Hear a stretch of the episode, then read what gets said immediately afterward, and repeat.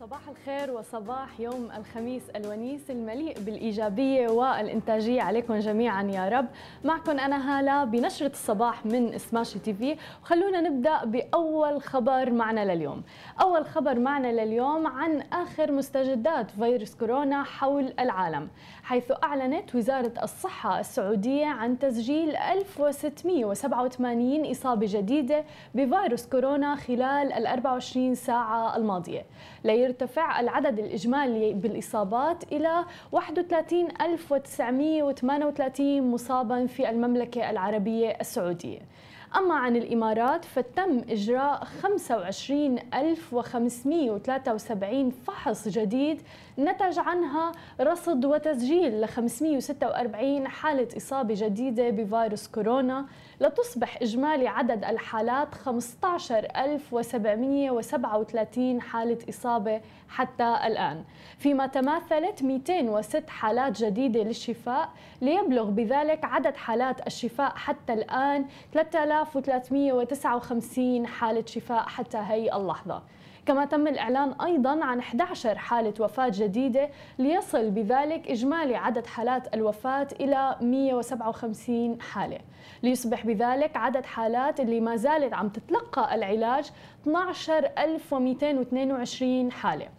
وتم تسجيل أيضا 387 إصابة جديدة بفيروس كورونا في مصر و17 حالة وفاة. أما إذا بدنا نحكي عن الأردن فأعلن عن تسجيل إصابتين جديدتين بفيروس كورونا ليرتفع إجمالي عدد حالات الإصابة ل 473 حالة إصابة في الأردن. أما عن العراق فسجل 49 حالة إصابة جديدة بفيروس كورونا خلال ال 24 ساعة الماضية. ووزارة الصحة السورية أعلنت عن ارتفاع عدد الإصابات بفيروس كورونا إلى 45 وشفاء 27 ووفاة ثلاث حالات في سوريا. أما عن وزارة الصحة الكويتية فأعلنت عن تعافي 187 حالة من المصابين بفيروس كورونا ليرتفع بذلك عدد حالات الشفاء إلى 2219 حالة شفاء. مثل ما عم نشوف عدد حالات الإصابة متزايدة ولكن أيضا حول العالم عدد حالات الشفاء أيضا في تزايد مستمر وهي هي الأخبار الحلوة. أما عن خبرنا الثاني فهو عن أمريكا وتحديدا الوضع الاقتصادي اللي عم بتعاني منه أمريكا في الآونة الأخيرة حيث سجل سوق العمل في القطاع الأمريكي الخاص انهيار في شهر أبريل بسبب طبعا إجراءات العزل الهادفة لاحتواء تفشي كوفيد 19 مع خسارة 20 مليون و236 وظيفة حتى الآن. وترتبط الخسائر بكل فئات الشركات ولكن شركات قطاع الخدمات هي المتأثرة بشكل خاص وبشكل كبير جدا. وكان الخبراء عم يفترضوا إنه خسارة 21.5 مليون وظيفة في شهر أبريل الماضي. وتوقع بعض الاقتصاديين فقدان 28 مليون وظيفة وبالمقارنة فقد 8.6 مليون وظيفة خلال عامي الأزمة المالية العالمية اللي مر فيها العالم كله في عام 2008 و2009 وضربت أول موجة من فقدان الوظائف قطاع شركات الطيران الفنادق ثم المطاعم والمصانع في أمريكا حيث أمرت الولايات المتحدة الأمريكية بإغلاقها تماما.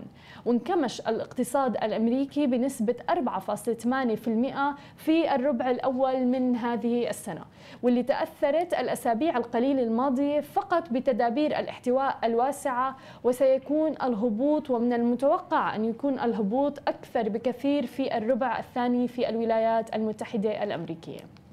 أما عن خبرنا الأخير لليوم فهو عن أرامكو اللي عم تدرس استحواذ على سابك حيث قالت ثلاثة مصادر مطلعة أن أرامكو السعودية على وشك إتمام قرض بقيمة 10 مليارات دولارات مع مجموعة من حوالي عشرة بنوك.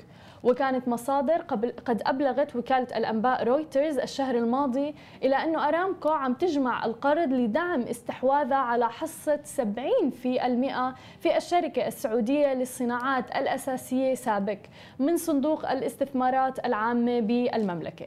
وهي صفقة قيمتها 70 مليار دولار تقريبا. وقال مصدر آخر أيضا إلى أنه في حين أن القرض رح يدعم في الغالب آه، صفقة الاستحواذ على سابك إلا أن أرامكو أيضا قد تستخدم الأموال أيضا لأغراض أخرى بما في ذلك دفع توزيعات الأرباح.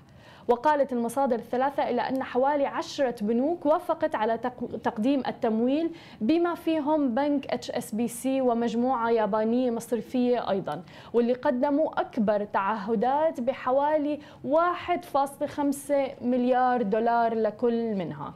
أكيد نحن رح نواكبكم بآخر المستجدات سواء عن الوضع الاقتصادي في أمريكا وحول العالم والدول العربية وأيضا عن صفقة أرامكو. هاي كانت كل أخبارنا لليوم. ما تنسوا تنسوا تتابعونا على كل مواقع التواصل الاجتماعي الخاصة ب Smashi TV تسمعوا البودكاست تبعنا وتنزلوا ال application. نهاركم سعيد.